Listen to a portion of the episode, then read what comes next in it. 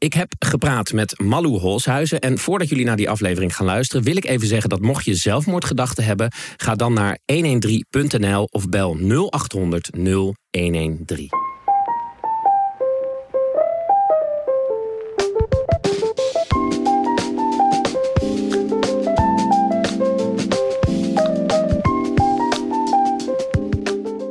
Je weet dat ik niet stil kan zitten. Oh ja, wat is dat? Een tik. Wat, hoe komt dat? Uh, uh, ik ben slecht gehecht. dat wisten we al.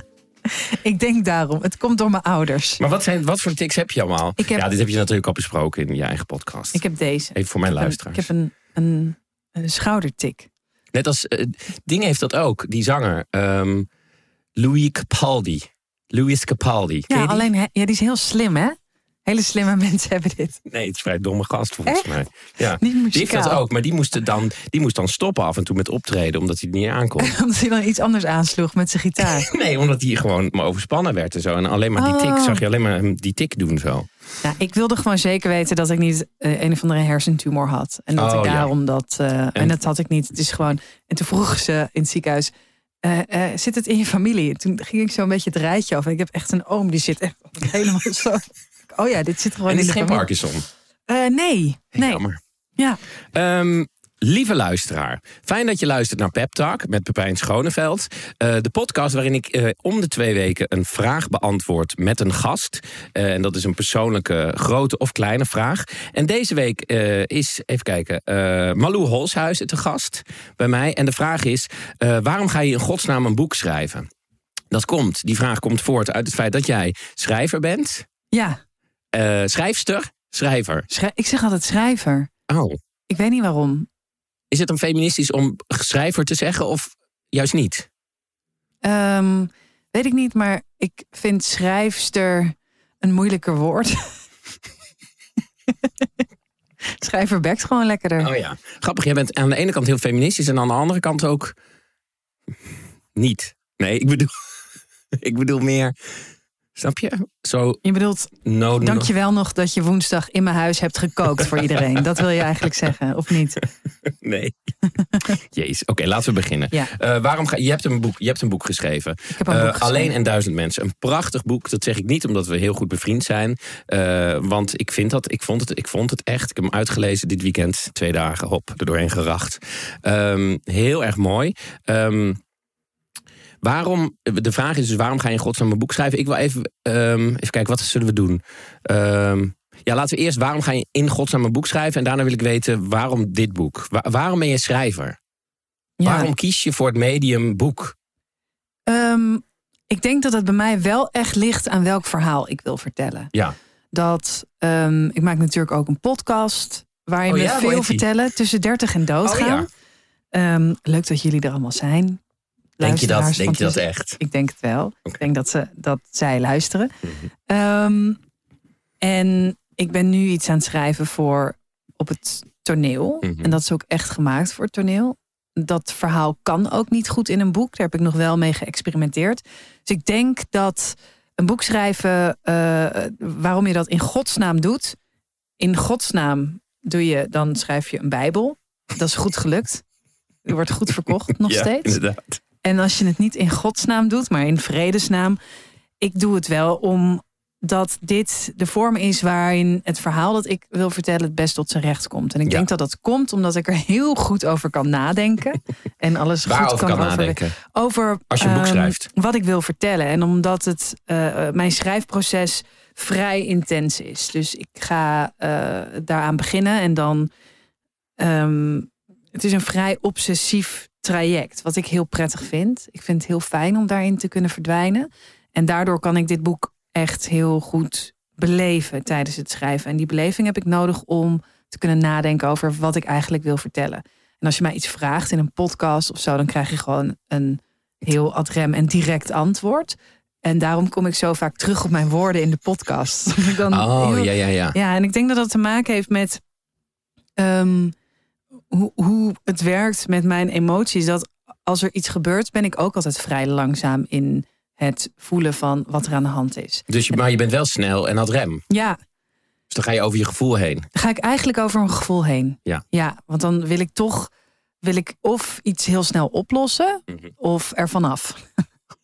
Eh door het of heel snel op te lossen Ah, of ja, eh, iets lelijks erover te zeggen of iets grappigs proberen te zeggen of er overheen te lullen of dat. En dat kan eigenlijk niet bij een boek. Ik vind het ook het meest verschrikkelijke mo- moment van een boek inleveren is wanneer iedereen je gaat feliciteren omdat je het boek hebt ingeleverd. En dan, dan denk ik, ik, ik mis iets. Ik mis een arm of een been. Er is Oh. iets helemaal mis. Maar even kijken, even terug. Want je, je, je, in het dagelijks leven ben je en in je podcast heel ad rem. En ga je over je gevoel heen. En bij zo'n boek, dan bedoel je daarmee dat je dan kan, dan voel, dan kan je nadenken over wat je voelt. Of je zei ook, ik beleef dan het boek. Dat snap Ja. ik eigenlijk ook niet wat je daarmee zegt. Maar Ja, ik heb van tevoren niet bedacht eh, hoe dit boek gaat eindigen. Dus Nee. dat is, een, dat is voor mij een, echt een gevoelskwestie. Dat komt omdat ik de mensen waar ik over schrijf eh, leer kennen tijdens het schrijven. Die kunnen mij ook verrassen. Dit klinkt super zweverig. ja, en ik dit heb dit heel wel veel eens schrijvers altijd. ja, en, het heb, en altijd als andere schrijvers dit zeiden, toen ik nog columns eh, schreef of essays, dacht ik, ja, maar dat is wel echt gelul wat je zegt. Dat Ja. kan niet. Nee, En het is echt zo. Het maar hoe gaat dat dan? Wat vertel eens. Ja, het is een hele moeilijke vraag hoor, om dat onder woorden te brengen. Want waarschijnlijk moet ik er eerst twee dagen over nadenken. Dan wil goed, ik er nu van af. En wil ik nu van deze vraag af. Ehm, eh, kijk, zoals Rivka, het hoofdpersoon van Alleen een duizend mensen, eh, eh, heeft mij heel erg verrast. Doordat zij altijd de, de controle Sorry, dit klinkt toch heel ja, raar. dat klinkt heel raar. Maar zij goed. gaat op een gegeven moment over een grens heen die ik wel heb. Welke grens? Eh, bijvoorbeeld de grens, eh, eh, haar ouders zijn gescheiden. Hm. Haar vader wil op vakantie naar Amerika met haar. Dat is eigenlijk hun vader-dochter droom. Hè? En zij droomt ervan, maar haar vader is heel druk met werk. Dus die kan eigenlijk nooit. Tot hij een nieuwe vriendin krijgt en met haar wel naar Amerika Ja. gaat. En zij kan niet tegen hem zeggen dat dat haar heel erg raakt. Dat, dat, dat zij daar pijn van heeft en dat het haar verdriet doet.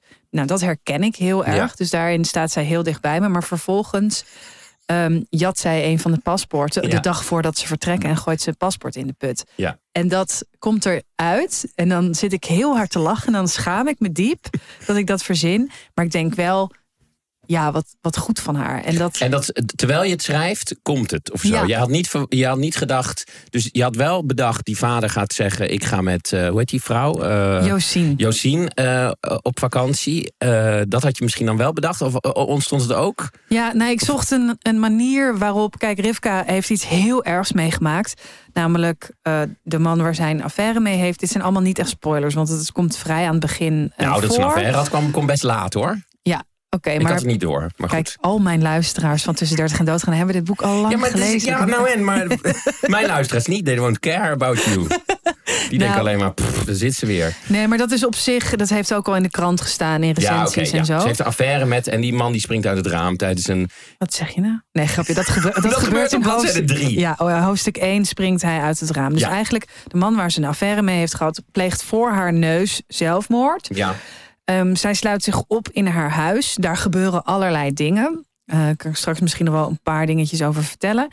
Want dat zegt ook weer heel veel over rouw en over mij. En dat, hoe jij met gevoel omgaat. ja, hoe ik met gevoel omga. Ehm, en uiteindelijk, zij heeft een vast lunchmoment met haar vader. En daarvoor komt ze eh, Ja. uiteindelijk de deur uit. En eh, zij heeft de telefoon uitstaan. En ze denkt op een gegeven moment, ik moet mijn telefoon, want mijn vader maakt zich vast zorgen. En dan Ja. heeft hij misschien één keer gebeld in Ja. een paar dagen. Nou, dan gaat ze lunchen. Twee keer is het. Ik weet Twee het keer. Precies. Sorry, wacht. Ik heb water over mijn... Ja, ik zie het. Ja, over de... Sorry voor de luisteraar. Water over mijn, Dit heeft Leo Blokhuis een keer gedaan bij de mix. radio. Over mijn paneel heb ik water gegooid. Ja. Dit is niet goed. Nou goed, het zit er niet in, volgens mij. Sorry, ga door, ga door. Jezus. Vaak, vaak heeft dat een vertraging, hè? Dat het dan straks in één keer... Echt? Ja, maar het zit er niet in. Ik zie dat het er nog op ligt. Oké, ga door. That's what she said.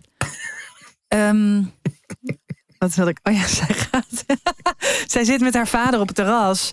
En die, die kan helemaal niet omgaan met het, het hele grote wat er is gebeurd. En, zij, en hij weet natuurlijk nog helemaal niet eens Nee, dat, dat, is een affaire. dat ze een affaire heeft gehad. Het zijn doorgaans niet echt dingen die je eh, deelt met je vader. Ik wel, maar zij niet.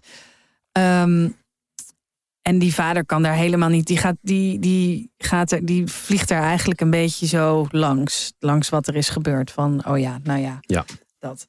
Ehm, waar gingen we nou naartoe? Nee, je, je zocht een manier om, zei je. De, dat, die, die, dat de paspoort... Ja. Uh, nee, ik zocht een manier waarop um, eigenlijk dat hele grote onderwerp van de dood en waar zij getuige van was geweest, dat dat vermeden kon worden ja. in dat gesprek. En, en zo kwam ik met het Amerika. En zij ja. heeft natuurlijk wel, als je kijkt naar uh, uh, hoe zij naar haar moeder kijkt, hoe zij naar haar vader kijkt, ze, ze, ze heeft een toch wel een uh, idyllischer beeld van haar vader. En Ja. Een mooier, een betere band met haar vader dan met haar moeder. Ja. En um, ja, op dit moment kan je nog denken: ja, god, uh, dan gaat die man nog een keer naar Amerika. Dat kan, dat kan gebeuren. Um, maar goed, dat. Uh... Maar, en, en, maar even kijken, dan kom je dus op dat zij dat, dat paspoort jat. En Ja. dat, dat bedenk je niet, dat gebeurt gewoon. Terwijl je schrijft.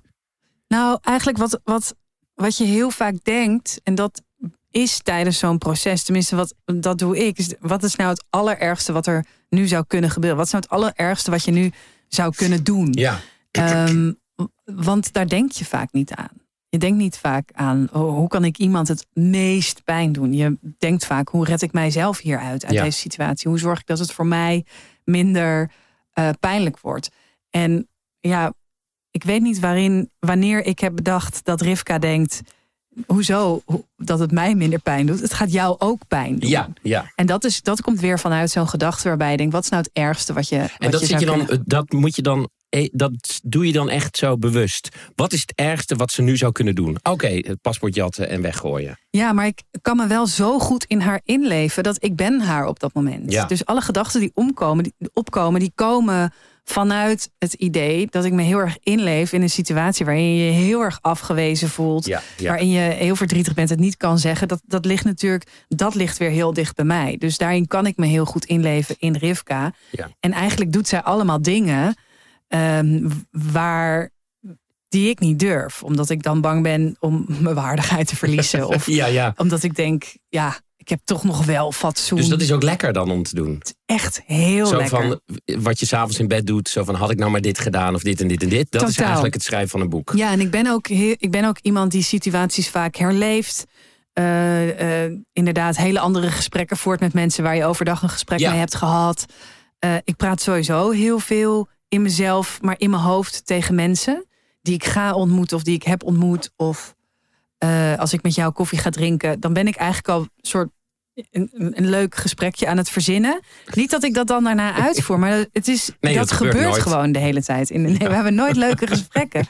Nee, maar ik eh, doe dat en ik doe het vooral als ik onderweg ben. Dus als je je focus ergens anders op hebt, dan gebeurt er heel veel in mijn fantasie. Maar als je schrijft, heb je je focus daarop. Ja, eh, heel erg. Want als ik schrijf, dan ik- kan ik ook helemaal niet goed voor mezelf zorgen. En ik, ver- ik vervuil, wil ik niet zeggen. Maar want ik moet dus wel weer een hele steriele, rustige, nette omgeving hebben. Maar als ik ga zitten en ik ga schrijven, dan knipper ik drie keer met mijn ogen en is het vier uur En verder. heb je niet gegeten. niet toch? gegeten, moet ik naar de wc, eh, ben ik ook dan vergeten.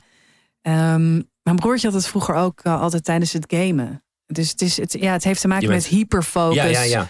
Dat, je kan goed hyperfocussen. Ik kan goed tegen bepaalde spectrum aanschuren. Dat is raar hè, bij dat ADD-achtige situaties. Wat jij dan Kom maar hebt. met je label, Pepijn. Nou, dat is. eh, dat is. ehm, die kunnen dus niet focussen goed. Dus ze gaan alle kanten op. Maar als ze zich eenmaal focussen, dan gaat het goed of zo, toch? Ja. Ehm, ja, het heeft denk ik bij mij heel erg te maken met prikkels. Daarom kan ik ook niet zo goed Oh. eh, in hele drukke... Dan voel ik me wankel. Dus Feestjes. Ik heb, dit heb ik geselecteerd. Ja, dat Mooi dat ik dat even kan doen. Feestjes zijn als het nemen van een bad. Het is maar even warm en schoon. Al gauw wordt het pislauw en troebel. Dat is hoe jij over feestjes denkt. dat is hoe ik over feestjes Maar denk. eigenlijk, maar dat, dat vindt zij, hè? dat ben jij natuurlijk niet. Maar eigenlijk ben je dat ook weer wel. Ben jij alle mensen in dit boek? Ehm, ja, ik denk het wel. Want het komt uit jou. Ja. Eh, en dat is best wel confronterend. Want al deze personages zijn manipulatief. en Dat is wel waar. Ja, Ze ze zijn zijn heel manipulatief. Maar ik denk dat mensen dat in de basis ook zijn. Ten eerste al met je eigen gedachten en met je eigen gedrag. Ja. En hoe je jezelf wil, je manipuleert je eigen gedrag. Je, je bent bezig met hoe je overkomt met mensen. En kijk, hier heb je een hele manipulatieve moeder.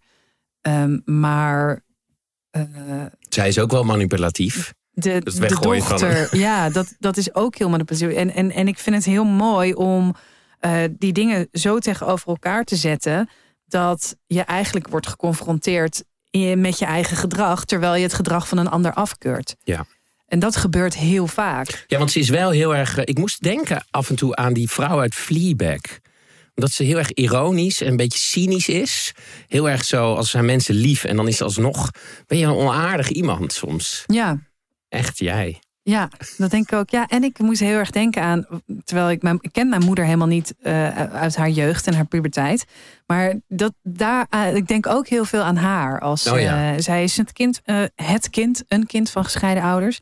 En eigenlijk, als ik kijk naar hoe ik me haar heb voorgesteld in dat zij volwassen werd, zit daar ook weer heel veel Ja. van Rivka, eh, of van mijn moeder in Rivka, maar dus ook weer automatisch in mij, van mij in haar. Want ik lijk ook weer heel erg op mijn moeder, terwijl ik dat absoluut niet wil. En, en dat heeft Rivka natuurlijk ook. Die Ja. heeft een on- ontzettend groot oordeel over de moeder. En ja, of ze nou echt eh, eh, een haar beter is dan, dan het gedrag wat haar moeder vertoont continu. Nee, ze gaat steeds meer op haar moeder lijken. Precies. En is het zo dat. eh, Oké, dus ten eerste schrijf je een boek, resume. Je vraag. Eh, o- o- ergens ook omdat het lekker is, hoor ik. Want je mag in je hoofd allemaal dingen doen die je in het echte leven niet doet. Ja. Ehm, maar ehm, waarom zou je dat doen? Omdat het lekker is? ja, ik denk wel dat het ook gewoon een soort crack is voor je brein. Ja. Nou ja, ik denk dat een Salmari. heel Het is moeilijk. Salmari. Het is Salmari. Voor... Stop met het geven van Salmari, Pepijn. Elke keer. Ik, het is er geen verjaardag voorbij. Ik geef je ik- dat nooit. ik- oh, ja, heb voor je drie flessen Salmari van jou gekregen. Even voor de En luisteraar, staan- dat is omdat Malou noemt Salmari vloeibare crack. Nou, dan heb je echt nog nooit crack gebruikt, denk ik. Ehm, maar het is crack. Ja, het, is, nou, het is een ontsnapping. Het is een uitlaatklep. Het is, Waarom is het ehm, ontsnapping? Ehm, omdat je weg mag uit jouw realiteit. En je mag, een eigen, je mag verdwijnen in een zelfgecreëerde realiteit. Ja, En dat was nu natuurlijk voor het eerst. Want eh, bij Zacht op Lachen was het toch boek. wel mijn eerste eh, bestseller. Was toch wel... was zo autobiografisch dat ik niet heel erg kon afwijken. Gevoelsmatig hoor. Want ik bedoel, als schrijver kan je alles. Ik heb nog wel eens een keer een standje gehad van een bepaalde interviewer. Die me aan het interviewen was. Die mij allemaal vragen ging stellen over waarom ik dingen niet had gedaan in het boek. Dus Oh. waarom heb je eh, het niet uit de hand laten lopen tussen Malou en haar psychiater? Oh. Ja, omdat dat niet is gebeurd. Ja, regels van Dat de is altijd heel slecht. Dat is ook wat recensenten bij theatervoorstellingen doen. Is schrijven over wat ze niet hebben gezien. Ja, Zo had je niet beter dit kunnen doen. Je moet altijd schrijven over wat je... precies. Ja. Ja, ze ging, dus ze ging mij de regels van de roman eh, ging hij mij uitleggen. Oh ja. Daarna heeft hij ook nog eventjes voorgedragen uit eigen werk. Om maar even de situatie te schetsen. Ja. Ja, Grappig, één personage in het boek lijkt op hem. ja. ja de, de, de presentator van het radioprogramma waarin dit allemaal gebeurt, Joël Bakker, is, ja, is een vrij een hele goede Mhm. interviewer, maar ook een hele beschadigde narcist. Ja, het is echt een narcist, ja. En ehm, Maar hij ehm, geeft op de een of andere manier wel weer om. Weet je, het is ook weer. Hij is ergens ook. Heeft hij ook iets heel liefs. En dat vind ik ook weer heel fijn aan deze personages in dit boek. Dat iedereen heeft. Iedereen heeft een hele eh, duistere kant. Of is duister en heeft een hele lieve kant. Maar zoals wij moet- allemaal. zoals wij allemaal, behalve Hitler. Die was heel lief voor zijn hond, schijnt. Oh ja. Heette die hond ook weer? Nou goed. Ehm, Blondie. Echt? Zo'n hond heet Blondie. Niet de juiste tijd om over Hitler te praten. Maar, ehm, eh, eh, dus, crack. eh, je het, is een, het is een vlucht. Je mag, de, je mag eruit. Je mag Vrijheid. ja. vrijheid. En heb ik het al helemaal? Ehm, kan iedereen het? Ik denk wel dat iedereen de uitvlucht kan nemen. Is dat een goede Nederlandse zin? Ja. Ja. Ik vraag het even aan jou. Omdat ik hier de schrijver ben. Omdat jij de Neerlandicus bent. Ja, soms zeggen mensen, laatst zei iemand tegen mij... je hebt zo'n fijne woordenschat. Terwijl ik kan nooit op woorden komen. Ja, ik ben ook altijd bang, maar dat is echt mijn MAVO-complex. Dat, dat ik gewoon, dat mijn vocabulaire ophoudt na de helft. Ja, dat ik heb ik- helemaal niet het idee dat ik veel woorden ken. Mijn vocabulaire, dat vind ik al een heel knap woord. Goed. Ja, Ehm, sorry, wat was je aan het zeggen? oeh. eh, of iedereen het kan. Oh, of iedereen het kan. Ik denk dat iedereen kan vluchten. Oh ja, iedereen kan de vrijheid nemen, zei je. vrijheid nemen De- om de te gaan. Ja, ehm, en ik denk dat iedereen dus kan ervaren ehm, hoe het is om zo vrij te, te kunnen schrijven en om Ja. eh, je fantasie te laten gaan. Ik bedoel, eh, sommige mensen hebben een rijkere fantasie dan de ander, maar iets van je afschrijven, dat helpt heel veel. Het helpt ook heel erg tegen piekeren en. Dat soort dingen. Dus dat, dat kan iedereen. Of het leesbaar is en leuk om te lezen voor andere mensen. Dat, ik weet niet of iedereen dat kan. Ik denk niet dat iedereen dat kan. Want dat heeft natuurlijk te maken met. Want ik zat te denken, je, je kan zeggen. Oh, mijn personages gaan alle kanten op. Ik schrijf gewoon, ik heb vrijheid. Maar als je dat doet, dan krijg je, weet dat boek. Dat, dat, dat boek Een Klein Leven. Daarvan zei iemand een keer: Dit is geschreven met. Dit, boek- wie zei dat nou? Die zei: "Dit- dit- Dat boek is geschreven met een, met een mop, met een dweil. Dus dat was een soort. soort soort, ze heeft het ook geschreven in zes maanden volgens mij. Gewoon zo, of zes weken, ik weet niet, maar gewoon zo. vrijheid. Ja. En dan krijg je dat. Ik vond het Ja. zo'n goed boek, maar daar zullen mensen het misschien niet mee eens zijn. Maar eh, eh, je, je, anders krijg je een soort woordenkots. Ja, maar ik denk dat dat dan de neemt. stijl is. Want Ja. ik, eh, over woordkot gesproken, de romans van Herman Brusselmans. Dat is ook, dat is ook zo dat je zo... Hè, het is zo absurd, maar daarom ook weer vind Ja, ik het dat is ook dan wel weer zijn weer stijl. heel goed. Ja, dus dan heb je het over stijl. En ehm, Nee, maar ik bedoel, hoe moet je, hoe, hoe hou je de balans tussen eh, de vrijheid nemen, maar ook goed schrijven? Of is goed schrijven gewoon vrijheid nemen? Dan, Nou- krijg, je toch een soort, dan krijg je toch een soort woordenkots. Snap je wat mijn vraag? ja, ik snap je vraag. Alleen ik weet niet of het zo'n bewuste keuze is om heel goed te kunnen schrijven. In ieder geval voor mij. Ik heb geen, nou, eh, geen Nederlands gestudeerd of eh, iets. Ja. Ik heb überhaupt niet gestudeerd. niks gestudeerd. Ik heb niks gestudeerd. Je bent een autodidact. Ja, maar wel qua, qua schrijven wel gelukkig goed altijd geweest in, in taal en spelling en grammatica. Eh, ik hoop niet dat er mensen meeluisteren en denken, nou, ik heb jou echt al vier, vijf, zes rare zinnen horen maken. Wat lul je nou? Ik heb één foutje ontdekt in het boek Echt? trouwens. Oh, wat goed. Nou, ik weet niet meer waar. Het zijn twee woorden aan elkaar vast die niet aan elkaar vast horen. Maar goed. Oh, wat goed dat je het zegt. Ja, ga het nog maar een keer lezen. Want nu, nu heb je dit gezegd. En nu wil ik dit voor de derde druk, die er hoogstwaarschijnlijk aan zit te komen Shit, ik na er deze foto van moeten podcast. maken. Ja, shit, er zit één. En één ding is heel onduidelijk. Eén hoofdstuk begint Oh. heel onduidelijk over Paljas. Duurde he- Dan moest ik echt een paar keer teruglezen voordat ik snapte dat hij dat die lijn belt als Oh, Paljas. ja. Ik dacht dat ze het in haar telefoon zetten. Ja. Goed, doe ermee wat je wil voor de derde druk. Nee, maakt niet uit. Nee, maar Ehm, soms is het ook niet erg dat je iets niet in, e- in één keer niet snapt. Nee, dat is wel waar. Gekke zin. Maar eh, ga even Ja. door waar we het over hadden. Ehm, vrijheid nemen en, en toch goed schrijven. Ja, uiteindelijk moet je het natuurlijk wel kunnen vatten in woorden. En dat kan natuurlijk niet iedereen. Nee. Ehm, ik denk dat dat dan. Maar hoe, hoe doe je dat? Want ja, woorden kunnen vinden voor wat je, wat je bedenkt. Ja, maar jij zegt, ik ga in een soort hyperfocus. Ik neem de vrijheid. Ik laat mijn fantasie de vrije loop. Maar aan de andere kant moet je het ook beteugelen, denk ik. En zijn, moet, je, moet je het ook weten wat je schrijft. Het is niet, het is niet, niet nadenken. Nee, nee, zeker.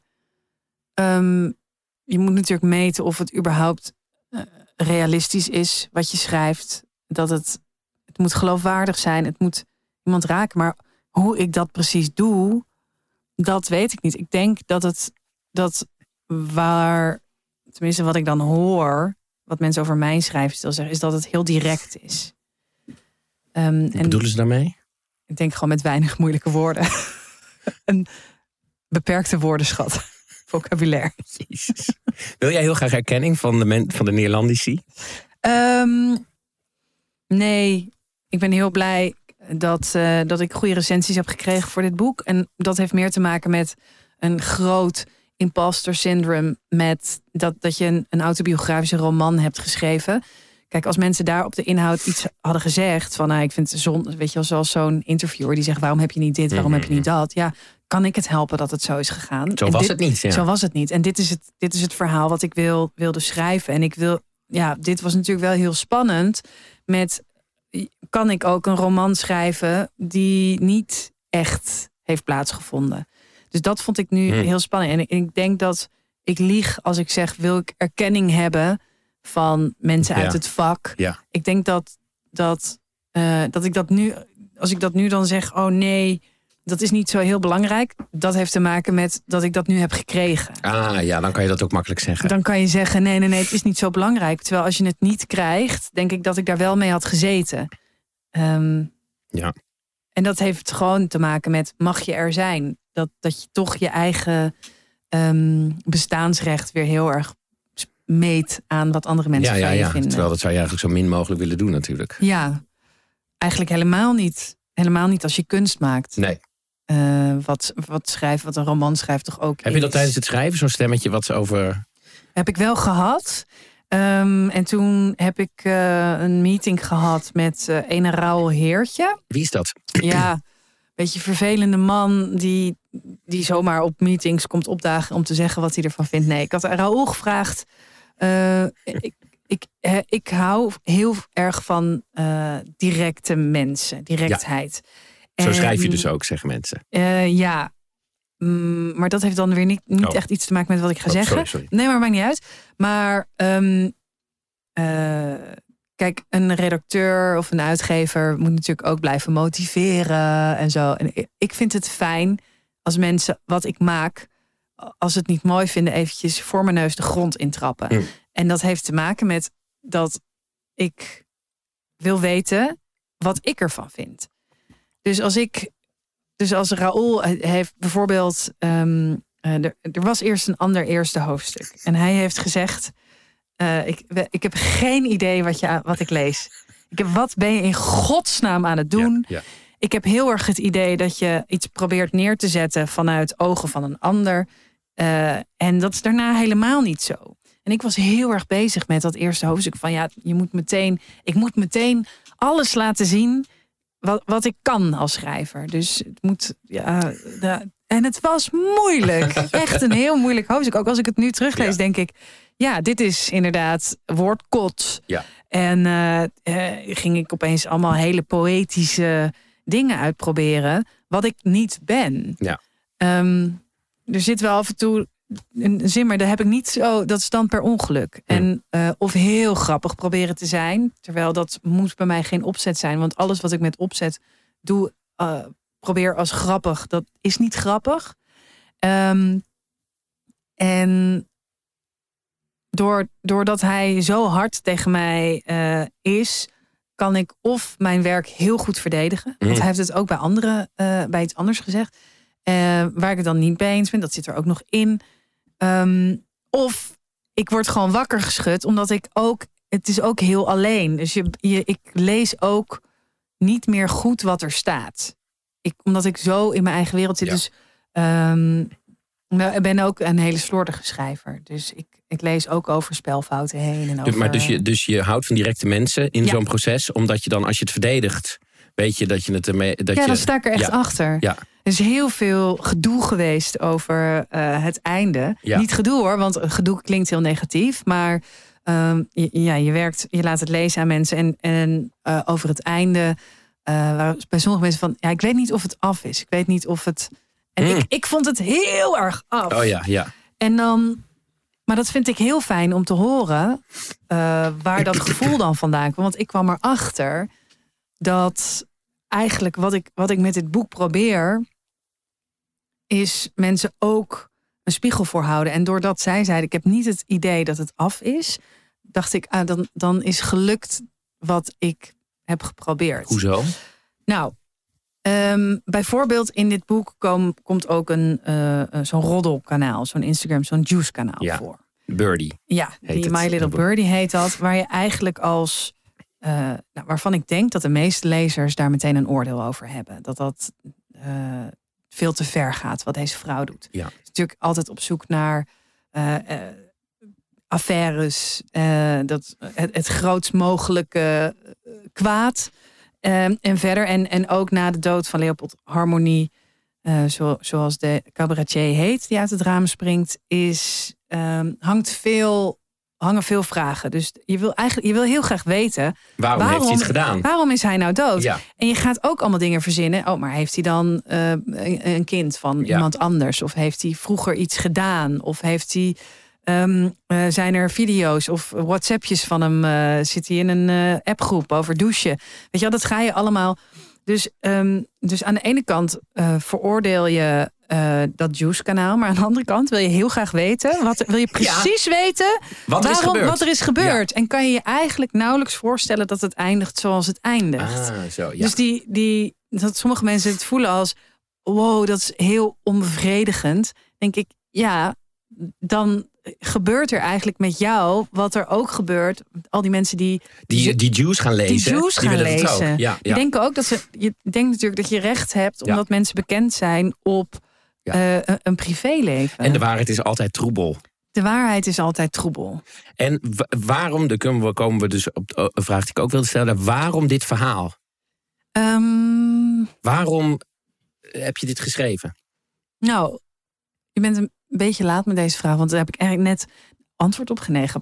Eh, dit, dit is wel een groot Nou, je deel wilde hoor. ja, een spiegel voorhouden, dat. Maar Ja, dat is niet genoeg. Ehm, er zijn een paar grote thema's in, in dit boek. Eh Eén daarvan is eenzaamheid. Dus ik Mhm. wilde een heel druk boek schrijven waarin heel veel gebeurt, waarbij het eigenlijk gaat over eh, stilte en eenzaamheid.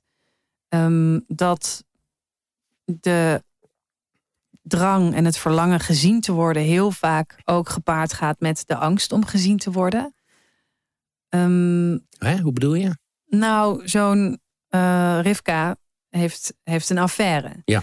Eh, en en ehm, de cabaretier Leopold Harmon is heel duidelijk naar haar dat hij niet weggaat bij zijn eh, vrouw. Ja. Eh, dat, dat zegt hij ook al vrij snel. Ja. En zij neemt daar genoeg mee. Dus hij heeft dus aan de ene kant heel erg drang om door hem gezien te worden, want ze stopt het niet. Maar ze neemt ook genoegen met een soort tweede plaats. Ja, Ehm, en waar dat vandaan komt. En dat dus die keuzes eigenlijk eh, vaak een onderliggend, eh, onderliggende oorzaak hebben. Wat uiteindelijk altijd weer de schuld is van de ouders. Ja, inderdaad. Dat is het, een aanklacht tegen de ouders Ja. van iedereen. Ehm, heb ik van tevoren bedacht, dit en dit en dit worden de thema's van dit boek? Nee. Nee. Maar ik wilde een boek schrijven waarin, ehm, waarin het, het thema was, waar ik mee begon. Ik hoop niet dat ik nu heel vaag word, maar het is ook heel moeilijk om uit te leggen waarom je iets zo hebt geschreven. Was dat eh, er is heel weinig nodig om iets uit de hand te laten lopen. Dat was een beetje Oh ja. ja. het startpunt. Ja. Nou, om, om maar meteen het helemaal uit de hand te laten lopen. Wat is nou het ergste wat er kan gebeuren? Iemand springt het raam uit tijdens een radio Inderdaad, dat. En, en eigenlijk ben ik vanuit daar gaan nadenken over... oké, dat, dat is dan het allerergst. Dan is dat achter de rug. En dat vond ik een hele... vond ik heel verrassend en verfrissend schrijven. Omdat vaak schrijf je ergens naartoe. En bij Zacht op Lach heb ik natuurlijk heel lang... daar gaat het boek ook over... om het, het grote verschrikkelijke, dus de dood, het, het ongeluk, heen gedraaid. En hier vond ik het eigenlijk een heel... eh, ja, heb ik de vrijheid genomen om, om dat meteen te laten gebeuren. Dus Ja. om het meteen zo bam We in er face. niet omheen, ja. Nee, ja, deze man is dood. Ja. Ehm, en ik denk dat dat ook weer heel erg te maken heeft met controle proberen te pakken over iets waar je helemaal geen controle over hebt. Ja. Maar eh, ja, dat is, ik, ik vond het fijn om, om er maar meteen duidelijk over te zijn. En, en ehm, wat ik me ook afvroeg, maar dat is ook omdat ik het eerder in deze podcast met ehm, eh, Erik Wien had over zijn moeder heeft zelfmoord gepleegd. En toen stelde ik de vraag waarom heeft ze dat gedaan, wat het altijd een ingewikkelde vraag is. Eh, maar je zit het hele boek toch. eh, waarom heeft hij dit gedaan? Is, vind, Ja. Wat vind jij, vind, jij, vind jij dat dat. ehm, die, die Joel. Joël, Joël, de radiopresentator, die zegt de hele tijd: Het is niet aan ons om daar iets over te zeggen. Het is Ja. gewoon gebeurd. Eh, Ja. We gaan er geen vragen over stellen. Maar als, le- als, luis- als lezer, daar ging voor mij het boek over. Voor mij ging het boek over waarom pleegt iemand zelfmoord. Eh, en daarom was het voor mij wel.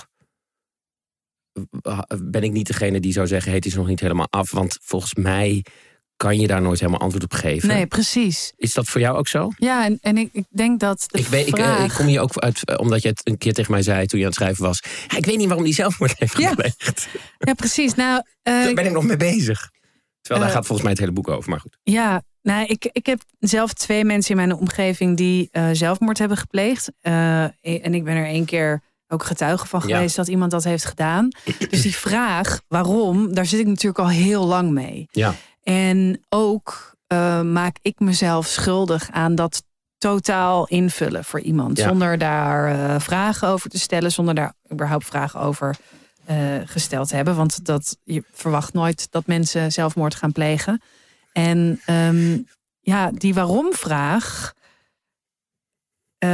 is natuurlijk, die is er natuurlijk. En, maar ik denk dat dit boek meer gaat over waarom is de waarom-vraag zo belangrijk. En Mm. daarom, Ja, ehm, daarom heb ik er ook voor gekozen dat zo'n Joël, eh, nu hij is interviewer, maar hij is altijd oorlogscorrespondent geweest. En ik denk dat zodra je je af gaat vragen waarom, kan je, Nee, kan je dat werk niet doen. nee, nee, nee. En dat heeft hij heel sterk. Maar, en daar wilde ik iemand tegenover zeggen. du- Dus een, een Rivka, eigenlijk het volk. Ja, Het Rivka is er ook van waarom. Die voelt zich vooral heel schuldig erover. Ja, die ja. denkt, heb ik, heb ik er iets mee te maken? Dus die betrekt het weer heel erg op zichzelf. En ik denk ook dat dat een hele ehm, eh, menselijke reactie is. Helemaal als het iemand is uit je omgeving. Van, ja, had ik iets kunnen doen? ja, ja. ja. Ik ken Ehm, iemand die, eh, die eh, zijn moeder heeft zelfmoord gepleegd. En die zei ook, toen zei ik een keer tegen hem van... kan je jezelf geruststellen met ik, ik kan er niks aan doen? Ja, En die zei ook eh, eh, nee, want er zijn miljoenen scenario's... waarbij het net wel had, ja. ik, het net, ik haar net wel had kunnen redden. Ja, en dat, dat heb ik natuurlijk zelf ook met dat ongeluk. Ja, Dat ik denk, oh ja, maar ik had ook, als ik twee Ja. minuten later van huis was weggegaan, dan was het het niet gezien, gebeurd. dan had je... Ja, ja, Weet je dat? Of als ik even had gezegd, hé, hey, pas op, dan was Ja. het niet gebeurd. ja, ja. De realiteit is alleen dat dat niet is gebeurd. Nee, nee. Ehm, ja, dus die, ik denk wel dat je daar het boek heel goed eh, vat hoor. Dat je, er is geen goed antwoord Is, op daar, waarom. nee, is dat zo? Kan je, kan je bij iemand die, die zelfmoord heeft gepleegd, zelfdoding, is ook een beter woord schijnt, Ja, eh, dat je kan, kan vragen waarom heeft hij dat gedaan? Nou ja, kijk, soms laten mensen iets achter waarin ze uitleggen waarom ze het hebben gedaan. En ehm, mensen zijn natuurlijk ook vaak heel erg ziek. Ja. En dat is dat, maar dat is dus al. Dat is al re- dat, weet je, dat, we nemen ook vaak niet genoegen met een hele algemene reden. Nee. Eh, zoals, eh, ja, kon het leven niet En- meer aan. Waarschijnlijk kan je, kan je het je ook niet voorstellen, want als je het je voor kon stellen, had je het, deed je het. Ja, dat denk ik ook. Eh, ik kreeg gisteren de vraag tijdens Als je je voor kan stellen dat het leven zinloos is voor iemand, en daardoor, als je je dat echt voor kan stellen, dan is het zin, leven zinloos. ja, En doe je het. Maar kan jij van jezelf zeggen: ik zal nooit zelfmoord plegen. Dat zou ik nooit doen. Nou, ik heb een tijd in mijn leven gehad Ja. dat, dat. Maar toen zei iedereen om me heen: zei, eh, eh, dat ga jij niet doen. Dat, dat voelen we wel. Oh, wat grappig. psychiater Maar vond je zei dat? dat ook. Vond ik wel geruststellend. Dat zij nee, dat maar ik wist wel ergens dat ik het niet ging doen. Oh ja. Ja, nee, nee, nee. Zo, Ja. Zover niet. Maar, eh, sorry, wat wij. Weet... Nou ja, ik weet dus niet of ik dat eh, kan zeggen. Ook omdat ehm, ik begrijp het ook soms wel. Ja? Ook, nou, ik vind het, eh, het uitleven van een heel mensenleven vind ik echt een opgave. Ja? Ik vind het een heel geruststellend idee dat er eigenlijk dat, dat ik daar toch wel zelf regie over heb. Ik heb er nog nooit over. Ja. Ehm, en ik ben helemaal niet bang voor de dood. Hè. Dat is, ik- Niet? Nee, helemaal. Ik ben bang voor de dood om mij heen. En ik ben bang voor alle mensen eh, die misschien dood kunnen gaan. Ik heb periodes dat ehm Rins, mijn vriend, bij mij weggaat uit Antwerpen. Daar woon ik en hij woont in Hilversum. En dan heb ik in mijn hoofd dat hij misschien wel onderweg dood kan gaan. En dat is dan zo ontzettend realistisch dat ik opgelucht ben als hij, als hij veilig thuis is. Ja, ja. Dus daar ben ik wel heel erg mee bezig. Maar- En misschien is dat dan ook wel. Dus de, het, het idee dat, er, dat dat mijzelf ook gaat gebeuren. En dat je daar eventueel ook nog zelf regie over kan nemen. Vind ik heel geruststellend. En ook, ik heb bijvoorbeeld nu heel veel eh, gesprekken daarover met mijn opa. eh, en over het voltooide leven. Dat ik denk, ja, ik begrijp het wel. Ik begrijp wel dat je iedere avond naar bed gaat en wakker wordt en dan denkt, kut, ik ben weer wakker geworden. Ja, ja, ja. Dat vind ik heel erg. Hij zegt, eh, wacht, eh, eens heb je, eh, daar heb ik aangevinkt. Joël zegt daar iets over. Moet ik het even opzoeken? Oh shit, heb ik het. Bedenk het me nu ineens. Hij zegt dan, er zijn een aantal opties. Kut, kut, kut. Hier. Doe maar rustig, Pijn. We hebben alle tijd. Het is geen Oh, radio, maar ik hè? weet niet of... dat is waar. Oh, daar wil ik het ook nog over hebben, dat het een radioprogramma was. Ja. Ehm, het leven ligt op de loer. Nee, wat was het nou? Weet jij wat ik bedoel? Kan je het terughalen? Ik denk wel dat ik weet welk hoofdstuk je bedoelt. Ook dat het gaat over waar hij zijn pijn leidt, eh, of laat. Ja. Eh, dat is ben wel echt aan het ei. Ik weet niet wat je nu aan het begin Oh. van dat boek doet. dat is wel vrij. Ik heb het echt goed gelezen. Ja, maar hoe verder ik kwam in het boek, hoe minder ik aangestreept heb. Wat een goed teken is. Want dan Zit je er helemaal zit ik er in? helemaal in en dan vergeet ik. Nou, ik weet het niet. Maar ehm, Nou, het gaat over eh, waarom hij het heeft gedaan. ja, en dan zegt hij, het heeft geen zin. Want als je het aan ja... eh, eh, nou ja, goed. Wat wij zeggen. Nou ja, het is eigenlijk bij alle opties die hij geeft, waarom hij het heeft gedaan, krijg je, kom je eigenlijk op hetzelfde uit. Ehm, dat het eigenlijk niks uitmaakt. Waarom, wat zijn reden was. Eh, en ik denk dat dat weer vanuit, dat is vanuit hem natuurlijk, met zijn achtergrond als oorlogscorrespondent, als, ehm, is dat een hele logische verklaring. Hij snapt het wel. Of nee, hij, Nee. Hij, hij zegt, je, je moet je niet afvragen waarom. Want dat word je gek. Omdat Ja. hij dat ook bij al die ellende niet heeft gedaan die hij zag. Ja, maar het is ondertussen ook iemand die eh, s s'nachts zijn hele koelkast leegvreet. Om, weet je wel, want waar laat je Ja, ja, ja. Al, al, dat, al die dood en al dat verderf? En ehm, ja, Maar het is voor mensen om, in de omgeving fijn om te weten waarom het is gebeurd. Maar jij zegt eigenlijk, ik weet het, kijk, zoals. Ik ken alleen dit boek. En, eh, maar als ik kijk naar, ehm, naar wat ik zelf heb meegemaakt, dus die eh, zelfdodingen, dat bij in één geval was het echt, echt als donderslag bij heldere hemel. Ehm, en het had ook zo veel gevolg op, eh, op de omgeving dat je echt nou, dat, dat, dat je dat echt niet begrijpt. En dat daar ook want het daar, en daar is ook wel heel veel woede eh, komt daarbij kijken. En dat, en dat begrijp ik ook heel erg. En dat, dat daar schuurt die Joël ook wel een beetje aan. Die vindt het echt eigenlijk een, een belachelijke actie. ja, ja, ja. Want, en, en dat is zeg maar, kijk, je hebt, je hebt de, de zelfdoding, dus de, dat hij uit het leven wil stappen. Mhm. Ehm, en de manier waarop hij dat doet. Ja. Eh, ik bedoel, uit het raam springen, je weet dat dit effect heeft je, op mensen. ja, ja. Eh, en De luisteraar tijdens een radio-uitzending. ja, eh, en gisteren stond ik op een festival en toen werd mij gevraagd van, ja, keur je dat goed? Hm. Ehm, of heb je er begrip voor? En ik heb zeker begrip voor de keuze die hij heeft gemaakt, maar niet op de manier waarop. Nee. Maar ik, ik ehm, Is het ook niet te cynisch om te denken, de waarom-vraag heeft niet zoveel zin? mm, Je wil als mens toch. Je, stel je voor iemand in je omgeving doet dat. Dan, dan. Het lijkt wel alsof je, als je de waarom-vraag niet stelt, dat je je dan er ook in berust. En dat kan natuurlijk heel erg wringen. Ja. Maar ik denk niet, ik denk dat de waarom-vraag er altijd is. Zeker. Alleen in dit geval. eh,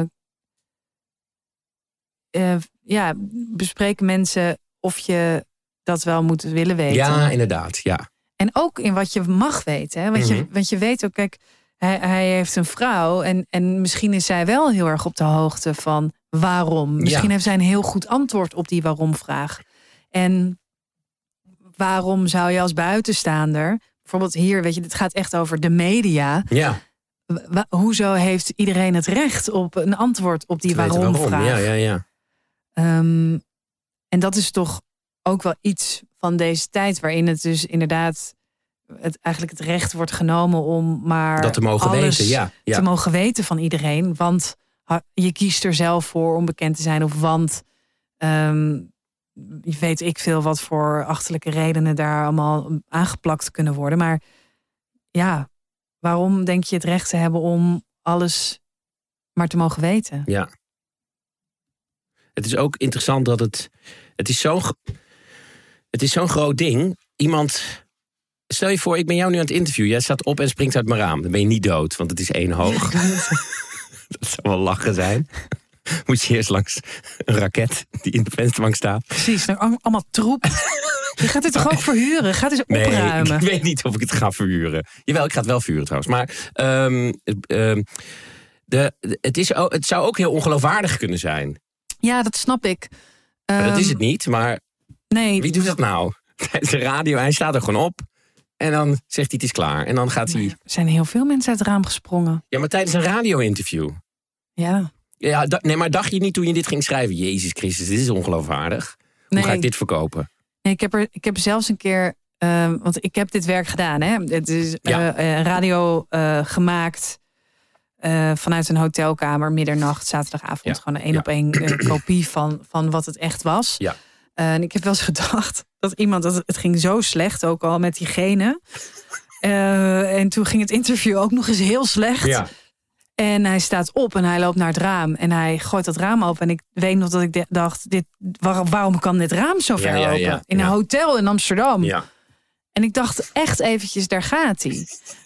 Dus het feit dat ik dat al een keer Dat in de realiteit heb gedacht... Is, betekent dus dat het ergens ook Een optie was. on- ja, ontzettend realistisch is. Maar nog heel even over die waarom-vraag. Want Oh ja. ehm, het, het is heel vervelend eh, om, om daar geen antwoord op te hebben. En ik, Ja. ik snap heel goed dat, want dat heb ik ook zelf gewoon in het echte leven.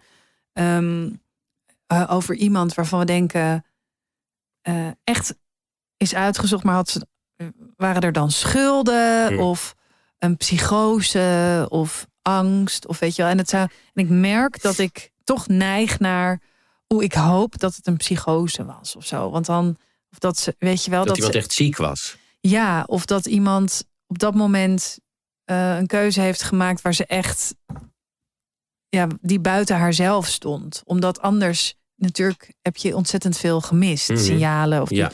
eh, dat. Dus ik, ehm, ik wil niet nu de indruk wekken dat een waarom-vraag belachelijk is. Nee, Want nee, nee, dat, dat is helemaal niet zo. Nee. Het is alleen. Ja, Maar je kan je afvragen, en daar gaat het boek over. Ik onderzoek- Waarom wil je de waarom-vraag? ja, moet ook even erbij zeggen dat mocht je zelfmoordgedachten hebben... Ja. dan moet je 113 bellen. precies. Ik zou het ook nog even aan het begin zetten. Zo. Moet ik het ook aan het begin zeggen? Ik zet het onder de notes. Ja, want nu hier- heeft iedereen het al gehoord. Dus dan het is wel altijd met zo'n Oh ja, dan knippen we het even in. Ja, We doen het straks. we doen het straks. Ehm, de, de, het, ehm, het eh, radio, wat ik me ook afvroeg. Je hebt gewerkt bij de radio. Ja. Ehm, wat ik zo frappant vond, is... Kijk, ik maak deze podcast natuurlijk en dan... Ik heb geen redactie, ik doe alles zelf. Ik doe geen voorgesprek. Eh, waarom gebeurt het op de radio zo? Want, want eh, in het boek schrijf jij... Ik appte je dat ook, zei ik, wat Mhm. raar dat... Is dat echt zo op de radio dat de regisseur schrijft een draaiboek... En de- die leest dan de presentator door.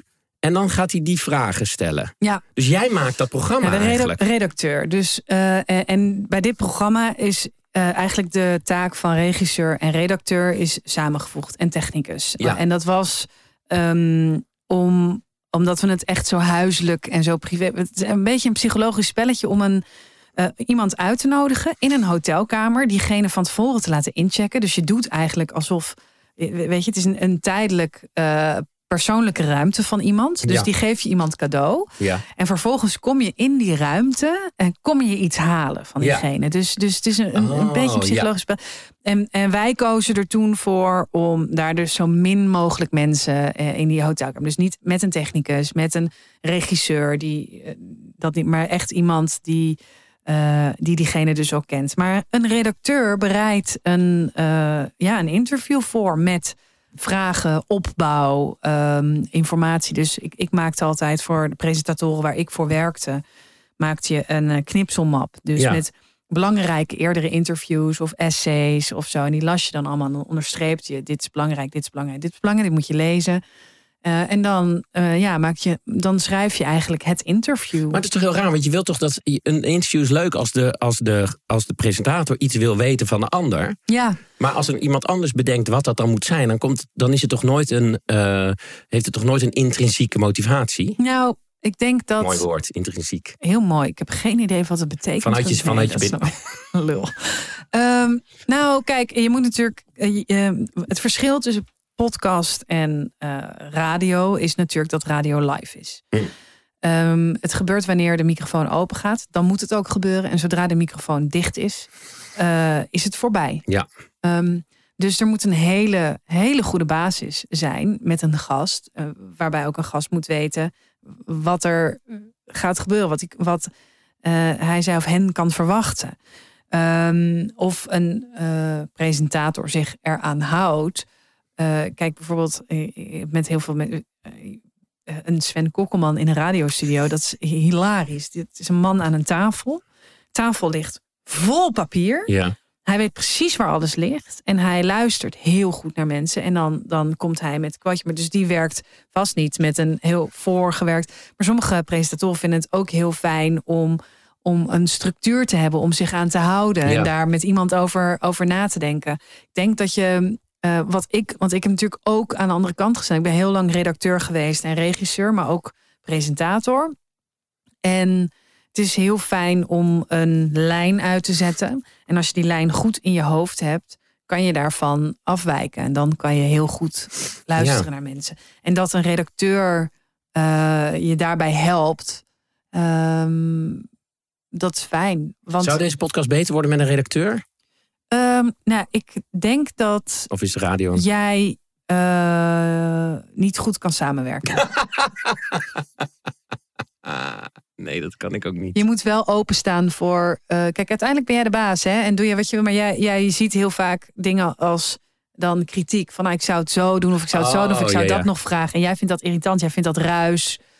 Um, je zou ja, dat ook haalt niet me met af iemand... van de. ja, Dat haalt, haalt me af van de intrinsieke motivatie. Precies. En ik zat ook wel eens te, uh, zat ik in het oortje van iemand. Omdat ik dan dacht, oh je laat, ik ben bang dat je iets laat liggen. Of denk hier even aan. Maar het ik ligt, word gek van een Ja, oortje. maar dat is, het is ook heel persoonlijk hoor. Kijk, ik vind het heel fijn om me heel goed voor te bereiden op een gesprek. Uh, zodat ik gewoon weet, ik, ik kan dit. No, maakt niet uit wat er gebeurt.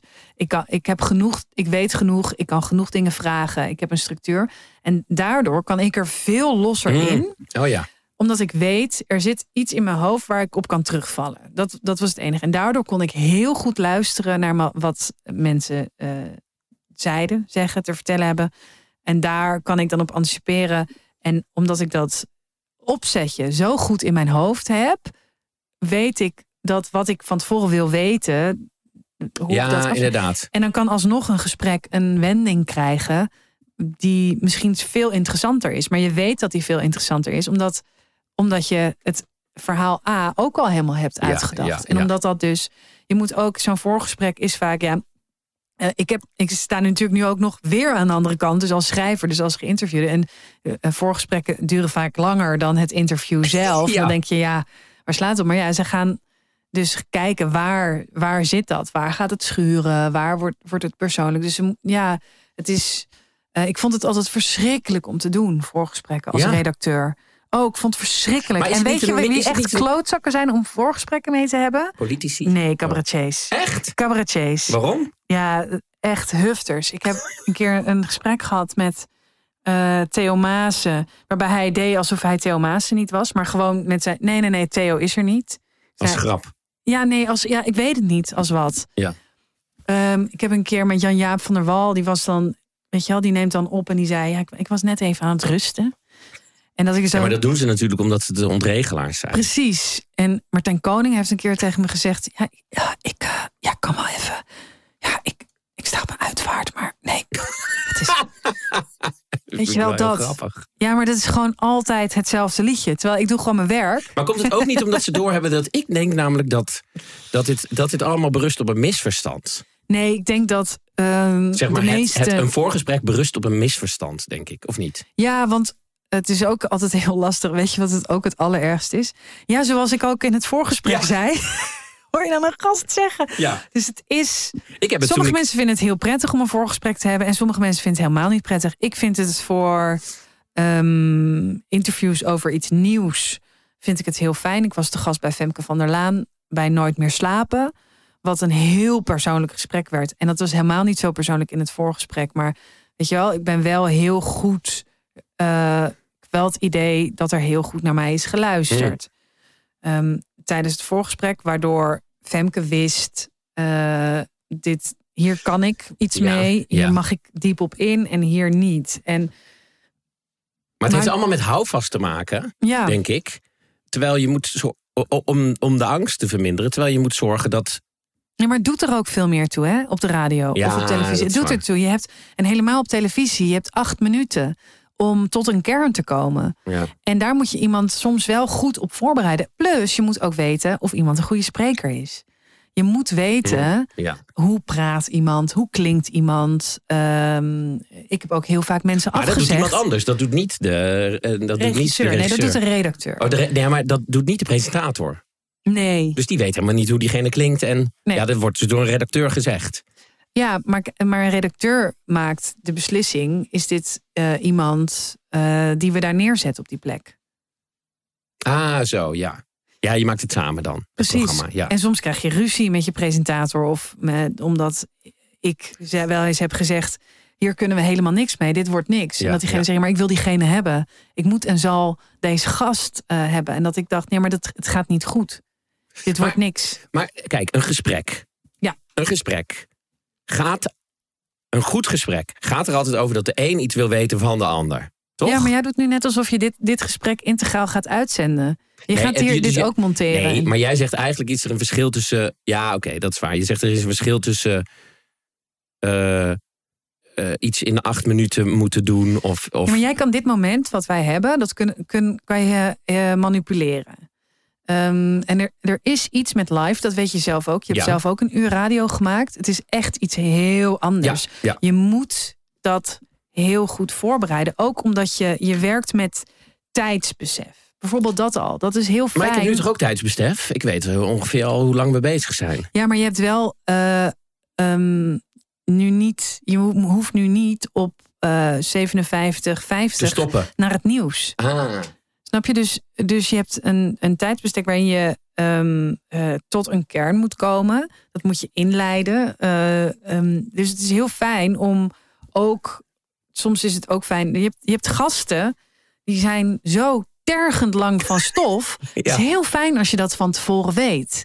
ja, oké, ja. Weet je, en je hebt mensen die, die ehm, hele mooie dingen kunnen schrijven. En die, die zodra ze hun mond opentrekken, dat je denkt, ja, Maar dan moet je toch als presentator gewoon harder werken? van. Dan moet je toch beter wer- harder werken? Nee, maar het is, je hebt ook de luisteraar die afhaakt als het niet eh, klinkt. Of als het een, geen fijn gesprek is. Of als het niet. Weet je, het is. Mm, ja, oké. ehm, plus, een, het is vaak ook heel veel. Als je een dagelijkse show. Maar jij zou dit niet iedere dag kunnen doen. Nee, want nee. Je krijgt ook soms mensen dan voor je Precies. die je niet zelf uitgekozen hebt. Kijk, als je kijkt naar een, een eh, Femke van der Laan. Ik neem haar weer als voorbeeld.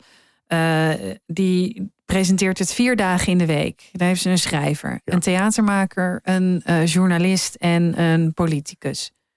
Ja, daar moet zij alles van weten Ja, op dat ja, moment. Ze moet boeken lezen, ze moet voorstellingen zien.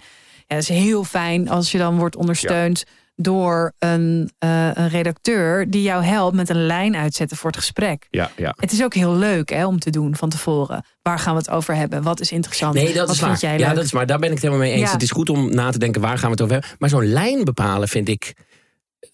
Dat lijkt me zo. Want je, ja, ik hoorde laatst ook dat documentaires hebben ook een script. Dus eh, Ja. alles is nep. Maar jij doet, toch, Oh. jij doet dit toch ook? Jij, jij Ja. schrijft ook een lijstje op. Ja, maar En geen dan- lijn. Ik schrijf gewoon allemaal woorden. bij jou is een soort van grabbelton. je hebt nul chronologie in je. Dat wilde ik nog tegen je zeggen. Want je moet echt beter gaan inleggen. ik dacht het echt even. Ja, nee, maar snap je, dit is jouw stijl. Ja, jouw stijl is dat het van hop naar her gaat. Dat je op dingen terugkomt. Ja. Dat je dingen toch nog niet helemaal begrijpt. Dat je het daarna toch nog niet helemaal begrijpt. Dat je het daarna toch nog niet helemaal begrijpt. Wacht, ik wil iets voorlezen. Oké. Jo, eh, eh, ik, eh, dit gaat over bodemdrift. Zo heet het programma, hè? Ja. Wat, wat, wat grappig grappig trouwens. Grappig woord, bodemdrift. Eigenlijk was al het bijzondere hetzelfde. Met de illusie het monopolie op authenticiteit te hebben. Bij iedereen gebeurde het echt. Het echte verhaal. De echte mensen. De echte interviewvragen. Wat natuurlijk niet zo is. Uh, jawel. Toch, dat zeg je toch mee? Het is, uh, het is, uh, je doet alsof het authentiek is. Ja, um, je doet alsof ieder gesprek authentiek is. Dat is ook zo. Ieder gesprek is authentiek. Maar de vorm is helemaal niet authentiek. Nee, inderdaad. De vorm dat iemand zijn hart op tafel legt en breekt. Ja. Um, en is over nagedacht met die hotelkamer. Precies, ja. En um, radio is echt het is heel iets anders. Ja, dat is waar. Het is wel goed dat het in de nacht plaatsvindt. Dan zijn Ja. mensen echt anders, toch? Ja. Praten mensen dan anders, ja? Ja, nou ja, sowieso is er in de nacht veel meer tijd. Hè? Hoe heette dat programma wat je deed? Eh, ik heb heel veel programma's. Ja, maar dat programma in de nacht. Dit is toch gebaseerd op Ja, ik heb eh, in zo'n hotelkamer? heel veel programma's in de nacht. Ik heb nooit overdag radio mogen maken. Jawel, Spijkers met de kop mocht het was overdag. Ehm eh, het heette De Overnachting. Oh ja, dat was het, ja. Ik heb De Nacht van. Ik heb De Wereld van BNN-Vara. Ik heb Start. Dat startte dan, was dan de start van je dag. Om drie uur s'nachts. Omdat de bielen dan beginnen. Wat is er zo leuk aan radio dan? Ja, je gaat samen met eh, eh, iemand een moment in. Of dat nou je luisteraar is door middel van samen muziek luisteren. Of... En het is echt aan de hand. Het is nu. En grappig, vroeger had jij een beetje een... een, eh, een eh, toen je pod- podcast begon te maken, als je die terugluistert... Wat ik niet heb gedaan, maar ik weet het nog. Ja, Toen had je meer een radiostem dan nu. ja. Toen je die Ehm, podcast deed met, ehm, over millennials... Ja, Toen had je, was je meer radio aan het maken, gek genoeg hoorde ja, je daar. was ik echt een beetje de presentator aan het zijn. Ja, was je echt zo, welkom, eh, dit. En nu Ja, is het is gewoon, echt hallo mensen. Ja, het is, maar het is wel echt een uh, radio maken is echt een Ja. vak. Jij hebt natuurlijk eh, kunststof een keer mogen Ja. presenteren. Ja. Jij kwam eruit. Ja, ik moest daar heel erg om lachen. Want je was er. Ja, man, wat ging je er lekker ontspannen in. En ik dacht, ja, wacht jij maar, vriend. Wacht maar. Wacht nee, maar het, is, het heeft een het- andere... ja, absoluut. Je, Totaal. je ga, ik, ik werd ineens zenuwachtig. Ja, Terwijl ik dat helemaal niet was. Nee. Ineens. Zo, brrr, hop. ja. ja, maar je hebt een aftelklok. Die Ja. gaat aan. Er gaat een microfoon open. Er, gaat, er begint een begintune. En, en dan moet je het doen in een uur. Eh, vaak met iemand anders. En maar dat is wel, het is wel belangrijk. Henry van Loon was eh, ooit gast in deze podcast, lang, lang geleden. En Ja. die zei eh, van, na die tijd, die ook vond het zo fijn. Want bij de radio heb je wel eens dat je dan aankomt. En dan ben je gewoon lekker aan het praten met de presentator. En dan gaat hij aan. En dan gaat hij ineens. Ja. En dat deed ik dan niet. Dat, Ja. Maar dat is ook niet goed. Nee, en ik denk dat dat gebeurt vooral. Dat gebeurt niet bij eh, eh, Radio 1 hoor. Want daar praten mensen gewoon normaal. En dat zijn ook helemaal niet van dit soort. Maar echt, de, eh, bij Radio 2 inderdaad. Dat je. Ik heb een keer zo'n krankzinnig programma. Oh, dat was zo'n rare uitzending. Dat was met Jelle Tieleman. Ja. En die had een boek geschreven over Michael P. Over de moord op Anne Faber. En dat was in het programma Het wordt nu laat op Radio 2. Wat dus betekent dat ehm, je praat over, over mensen hun leven. Mhm. eh, en dan aan de hand van muziek. Dus ik ging van Michael P. naar waarom heb je voor de Beatles gekozen? en dat. En dan moest je de hele tijd terug. En, Ja, eh, ja. ja. dat, dat was echt eh, was een hele gekke, gekke aflevering. Ehm, of uitzending. Zie je, aflevering is podcast en uitzending is radio. Het is echt iets anders. Ja, hoor. ik ben, ben je ik, ben maken? versmolten. Omdat ik ontslagen was bij de radio. Sorry, wat wil je weten? Ah, Nee, ik maakte een. eh, ehm, ik, ik werkte bij BNN Vara. En eh, daar maakte ik ook radio op Radio 1 en op Radio 2. Radio 2 was buiten Spijkers met Koppen niks voor mij. Het maakt me gereed uit wat John in zijn vrachtwagen wil horen. Mhm. Uh, ik wil gewoon dan mijn eigen muziek luisteren. En dat Ja. vind- vinden mensen helemaal niet leuk. En ik weet, dit is, dit is een heel terecht imposter syndrome. Dus ik weet niet hoe dat heet. Maar ik dacht ook altijd, wanneer komen mensen erachter dat ik echt niks van muziek weet. En dat is echt waar. Want ik ben ook wel eens gevraagd voor zo'n quiz. Dus ik, maar je moet mij echt niet hebben. Je maakt radio, dus dan... Ja, en, nee, en muziekradio. Hè, op de grootste zender. De grootste muziekzender van Nederland. Ja. Dus naast Spijkers is Radio 3, toch? Nee, man, gek. Radio 3 bestaat überhaupt niet meer, dat is 3FM. Oh. En Radio 2 is dan. eh Oh, oké. Dat was dan de dat grootste. zegt de zenderbaas Ja. hele tijd. Ik ben de grootste. Ehm, dus dus mijn, mijn hart lag toch wel meer bij Radio 1. En ik had een uh, programma, maar ehm, het hele omroepenstelsel en het um, intekenen voor tijdslot. Uh, komen weer omroepen bij, uh, gaan er weer af. Dat, dat verandert om de paar jaar, geloof ik. Misschien om het jaar zelfs. Ik, dat weet ik, ben er ook echt te lang uit. En mijn programma hield op. Um, en er was veel aan de hand. Uh, en toen, toen hield het op. En toen dus, dacht je, ja. Toen dacht ik, eerst dacht ik dat mijn wereld verging. Want dat denk je als je bij een club hoort. Ja. Ik hoorde natuurlijk bij de club van BNN-Vara. Daar heb ik zeven jaar gewerkt. Uh, begonnen als redacteur, regisseur, presentator. Dus je denkt echt dat er daarna eigenlijk niks anders bestaat. En dat bleek toch niet zo te zijn. Je hoorde niet bij het clubje. Ik hoorde, ja, ik hoorde of er was geen clubje. Nee, nee, er was eigenlijk helemaal geen clubje. Nee. Nee, het, is een, het is een soort eigen wereld waar je in zit. Waarbij je denkt dat, dat alles wat je daar maakt, dat, dat, dat de hele wereld daarom draait. Maar dat, dat is niet zo. Tenminste, dat gevoel had ik. Hè. Ik weet helemaal niet hoe dit voor andere mensen is. Maar ja, het is ook heel, weet je, op zo'n redactie, een redactie hebben. Mensen hebben die je vertrouwt, waar je samen uh, dat productiegericht werken naar, naar een uitzending toe. En dan dat het daarna klaar is. En dan, ja, het is of gelukt of niet. Dat mis ik wel. Ja. Dat, is, dat is heel fijn. En helemaal als je dat met hele leuke mensen kan doen. Ja, het gaat allemaal naar één, je werkt allemaal naar één moment toe. Ja, uh, en dat is misschien. Uh, dat is zelfs in theater is het natuurlijk ook niet zo. Nee, je werkt ja. dan naar première toe en daarna mag je het nog 40 keer doen. Ja. Maar dit is gewoon, de microfoon gaat uit. En morgen heb je weer een dag. Maar dan mm, is de inhoud. Je weet nog niet wat er dan gaat gebeuren. En dat vind ik heel fijn. En ik denk dat wat ik heb geleerd bij de radio, wat ik heel goed eh, kan toepassen bij het schrijven, is dat ik heel makkelijk afscheid kan nemen van dingen. Dus bij de radio maak je, als je aan een, bijvoorbeeld aan een dagelijks programma werkt of aan een wekelijks programma en je denkt, ja, we kunnen dit doen of dat doen, ga je dat allemaal maken en allemaal uitwerken. En dan daarna ga je eigenlijk pas keuzes maken. Mhm. Dus je bent heel veel voor niks aan het werken en heel veel En voor niks aan het voorbereiden. Dat doe je bij een boek ook. Dus ik heb met mijn eh, uitgever af en toe. Dat ik zei, nou ja, dat gaat eruit. En dan uh, zei ho, ho, niet zo snel. Oh. Terwijl dat zijn normaal. Ja. eh, Schrijvers vinden dat normaal niet fijn natuurlijk. ja. En ik kan heel makkelijk, misschien soms wel te snel. Oké, dan niet. Dag. Ja, ik schrap het. Ja. En ik vind het ook heel, wat ik ook heel leuk vind, is om. ja, Ik vind het heel leuk om hele rigoureuze keuzes te maken. Zoals het eerste hoofdstuk was eerst het laatste hoofdstuk uit dit boek. Oh, dus dat je aan het einde pas erachter kwam dat hij zelfmoord pleegde. Ehm, ja, over hoe dat ging. Oh, zo. Dus ja. het gesprek naar de zelfmoord toe was eigenlijk het laatste hoofdstuk. Oh, ja, ja. Ehm, en dat heb ik nu, is het het eerste ja, hoofdstuk. dat is heel goed. Ja. Ehm, En toen werd die waarom-vraag natuurlijk ook veel belangrijker. ja. Ja, En de, zeg maar, als het thema van het boek is: waarom stellen mensen de waarom-vraag?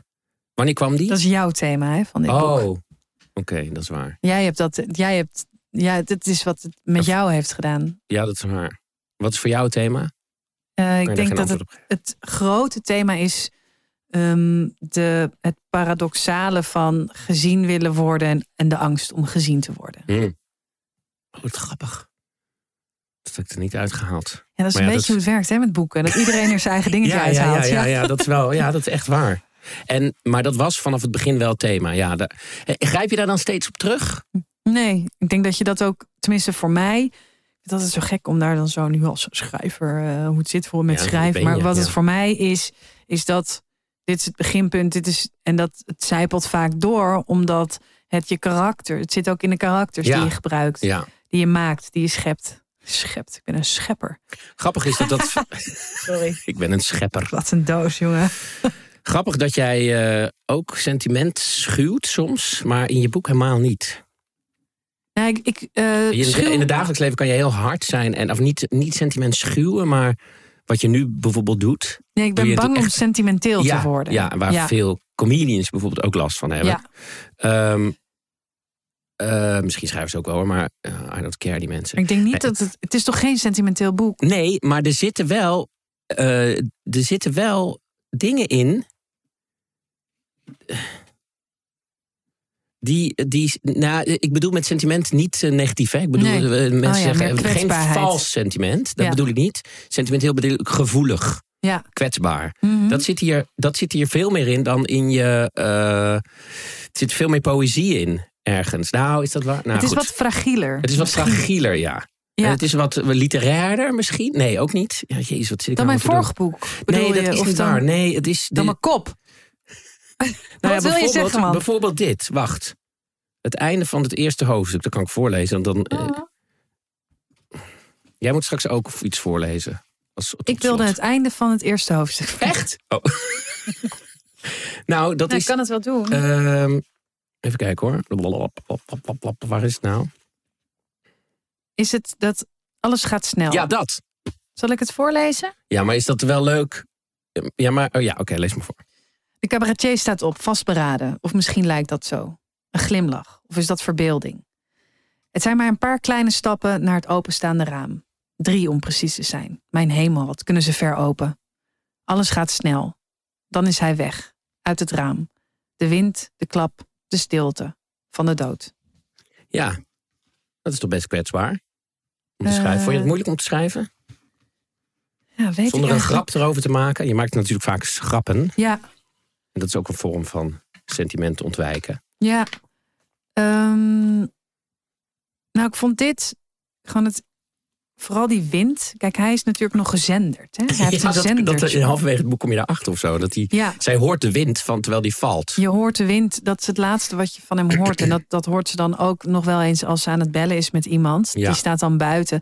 Wat echt ook een. Het is het irritantste wat er bestaat. Mens, nou, mensen die bellen met een slechte carkit of een slecht. eh, oh, verschrikkelijk. die, ja, daar is echt een speciaal plekje voor in de hel. Maar waarom is het geluid van de telefoon zo slecht? Altijd. Op de radio. Nee, gewoon überhaupt. Als je belt met mensen. Het is altijd slecht. Nou, laten we daar even dieper op ingaan. we hadden het net over. Sorry. Je, je noemde me literair en nu gaan we. Nee, oké. Nee, maar Nee, ik, nee, ik snap ja, wat je zij, bedoelt. hoort, in- zij krijgt een allergie voor die wind. Het Ja. geluid van de wind. Ja, eh, dus Dat is ik, natuurlijk traumatisch. die wind moet erin. Waarom gaat dat altijd over trauma's in je werk? Ehm, ja, ik denk omdat ik toch ergens controle over probeer te eh, pakken wat ik helemaal niet heb nog. Kijk, wat, wat in Zacht op Lachen gaat het heel erg erover, over het eromheen draaien. Hier wil ze eigenlijk wel, maar het mag er niet zijn. Ja. Ja, ik denk toch dat dat. Ik vraag me af hoor, of ik over andere dingen kan schrijven dan hele recalcitrante, manipulatieve eh, mensen. ja. Ik denk dat, ja, ik moet het maar wel eens gaan proberen. Maar misschien is dit. Grappig, die, die, eh, die, eigenlijk vind ik die man het liefst. Welke man? De, de Leopold, de cabaretier. Heel grappig vind ik dat. Ja. Waarom? ja, omdat daar dus ook sommige mensen mij appen met wat een walgelijke vent. Oh, echt? Ja, Ja. omdat hij vreemd gaat. Ja, nou ook omdat ehm, hij. Kijk, op een gegeven moment is er een. een Ja, maar hij is wel eerlijk. Ja, hij is wel eerlijk. Hij is eerlijk, maar wel maar hij, vanuit. hij springt wel uit een raam Ja. tijdens een interview. Dus dat maakt het dan wel weer niet ja, heel hij is wel prettig. maar- eerlijk, maar... het is ook, ook vanuit. Op een gegeven moment spreekt hij haar ook aan op. Zij is, zij is uitgekafferd hè, door eh Joël. Ja. En ehm, hij, zij, zij komt daarmee bij eh, Leopold. Zij vertelt een beetje wat er, wat er is gebeurd. En hij geeft wel gewoon die man gelijk. Ja, dat is waar, ja. Dus hij is. Ik denk dat jij misschien, omdat je ook een witte man. bent. Ja, ja, maar omdat je dat privilege niet herkent, omdat je het zelf ook hebt, dat ma- mannen het vaak met elkaar eens zijn als er kritiek is op vrouwen. hij haar gelijk? Dat heb ik helemaal niet doorgehad. Nou, hij zei: het is, het is een, zie het als een leermoment. oh, zo ja, dat is- leermoment. Ja, ja, Oh, dat. ja, dat en zeggen dat wij zegt witte hij wel als, als, ja. als grapje, maar het feit dat hij niet tegen haar zegt: wat een lul. En je bent Ja, veel beter dan. Is, is al, natuurlijk is hij het eens Ja, met ja, de ja, man. ja. Dat. Nee, maar ik vind hem, omdat hij gewoon eerlijk is, vind ik hem Ja, ik vind lief. het ook weer. Ik heb een haat-liefde eh, relatie met iedereen in dit boek. Mm. Dat, en dat vind ik ook. ehm, eh, dat vond ik heel leuk.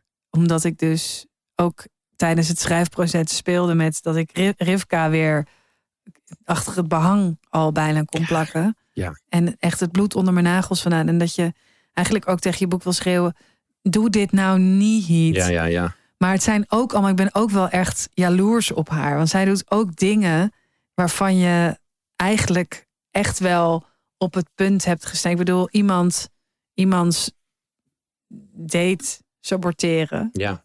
dat, van, een, van iemand. Ongelooflijk, Ja, dat ja. Lijkt, me, lijkt me heerlijk om Ja, te doen. Ja, je ja. doet het niet omdat er een fatsoensnorm is. Maar zij doet het gewoon lekker. Ja. Wil je tot slot ehm, iets voorlezen? Even kijken, had ik nog iets wat ik wil vragen? Heb je iets wat ik moet voorlezen? Is het, is het iets waarvan je zegt... Wacht, ik zit even op mijn gekrabbel te kijken. Ja, kijk maar. Op wie is Leopold gebaseerd? Hm, Ja, dat- dat vragen dus heel veel mensen. natuurlijk, ja. En helemaal heel veel mensen eh, uit, uit de wereld. Oh ja. En eh, mensen vinden het dan ook heel belangrijk om, eh, van wat zij denken. Oh ja. Ehm, maar wat dus heel grappig is, is dat eh, het heel vaak gaat over mensen die zij goed kennen, maar die ik nog nooit heb ontmoet. Oh, zo ja. Of zo. Hm, Dus, Toch Alex eh, Ploeg. Ja, het gaat over Alex Ploeg. het is wishful thinking, dit boek. Lees maar voor tot slot. Even kijken. Malou Holshuizen leest een stukje voor uit haar eh, tweede bestseller. Is het al een bestseller? Nee, nog niet. Ehm, nee, nog Oh, niet. nog niet. Alleen en duizend mensen. Zal ik gewoon maar een ding pakken? Want ik dacht, ik ga iets voorlezen, maar dan dacht ik, oh, dat heb ik ook al in. Daar heb je, dat heb jij al een keer gehoord. In de kleine komedie, in de uitverkochte kleine komedie. Oh, toen luisterde ik niet. Oh, dan doe ik dat, want dat vind ik een fijn stukje om te lezen. Even zien. Eh, dit is op de uitvaart. Hoe zou zijn gezicht eruit zien? Zijn lip genaaid en zijn tanden geplakt? Zijn botten gespalkt en alles wat beurs is, beige gepoederd? Heeft iemand hem gewassen? En hoe secuur doe je dat eigenlijk? Niemand steekt zijn neus in een oksel of haalt een vinger langs het plekje achter zijn oor om te kijken of het daar nog vies is. Werd hij besprenkeld met parfum en zo ja, wat was zijn geur ook alweer? Zou ik die ooit nog kunnen ruiken op een collega of zomaar een voorbijganger? Ik probeer me zijn geur voor de geest te halen, maar met duizend mensen en een dooie kan ik er niet meer bij. De drukte dwingt veel genodigden te gaan staan. Zo ook mij. Er zijn veel bekende Nederlanders. Hotemetoten die zich hebben aangekleed alsof, ze, alsof er buiten een loper is uitgerold. En wat is dat toch met hoeden? Een vrouw blokkeert het zicht van zeker drie personen achter haar. Even verderop wordt iemand gevraagd op te staan, omdat beroemdheden graag in een tros bij elkaar hangen. Er worden foto's van de kist gemaakt die ongetwijfeld op social media belanden. Brutalen hebben de halve wereld en driekwart van de zaal. Er klinkt pianomuziek. Het nummer staat op repeat. Om de twee minuten klinkt er een koude pauze tussen de laatste en de eerste toon van het nummer. Het zijn volledige seconden. 21, 22, 23. Als het even stil is, zwijgt ook de zaal, om vervolgens weer verder te lullen als ze doorhebben dat de dienst nog niet begint. Het zal me niks verbazen als sommige aanwezigen hebben uitgekeken naar dit moment. Daar ginds een politicus die deze bijeenkomst aangrijpt om zich barmhartig te etaleren. hey, hoi, leuk je te zien. Hier, pak aan. Mijn medeleven in driedelig designer zwart. Er komt een oudere vrouw naast me staan. Ze draagt een zwarte polkadot jurk met rode schoenen, een rood tasje en rode lippenstift. Ik weet niet waarom, maar ik heb altijd een hekel gehad aan matching accessoires en zeker als ze rood zijn. Omdat alles wat ik te zeggen heb in stilte moet, draag ik mijn donkerblauwe strapless lange jurk. De jurk waarbij ik zijn blik heb onthouden toen hij me erin zag. Een blik die overeenkomt met de foto op de kist. Ja, zo kon hij kijken.